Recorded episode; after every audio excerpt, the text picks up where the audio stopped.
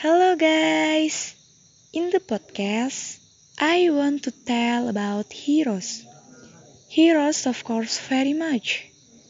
But this time, the hero I want to talk about is mother. Mother who is very struggling, starting from her pregnant, educating, and caring for us to adulthood. There are so many sacrifices, tiredness that can't be paid off.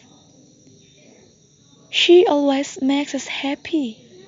She just wants to see our bright smiles.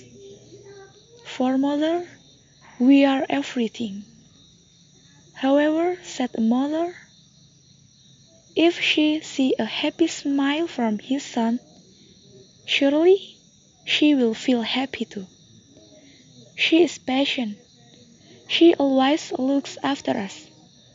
She is always attentive. She was very worried. She is very fond of and loves us. Don't know with what we have to repay all that she has given. She is amazing. Yes, she is a mother. That is heroes in my life. Thank you.